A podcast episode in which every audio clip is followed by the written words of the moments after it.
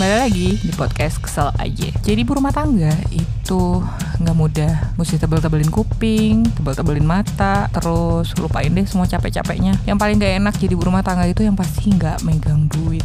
Ada sih suami yang ngasih uang ke istrinya Tapi kadang-kadang yang suaminya ikhlas, keluarganya nggak ikhlas terus mikirnya kayak kita tuh ngerongrong terus sama suami mau beli apa-apa? Kayak sungkan-sungkan gak enak gitu. Misalnya mau beli softtek pun kadang-kadang mikir. Terus ya kalau misalnya mau beli barangnya agak-agak besaran dikit itu mikir. Takutnya nanti pas keluarga suami datang ke rumah terus enggak terus bilang ini nggak bagus loh.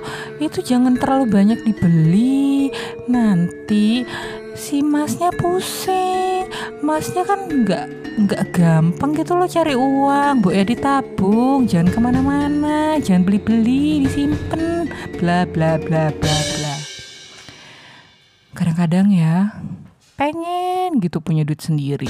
Kerja mungkin karena di era sekarang di lingkungan sekarang label ibu rumah tangga itu ya stigmanya nggak punya apa-apa. Nggak punya skill nggak punya duit. Terus ya beda tipis lah sama pembantu. Kalau pembantu masih bayar ibu rumah tangga siapa yang mau bayar? Gitu lah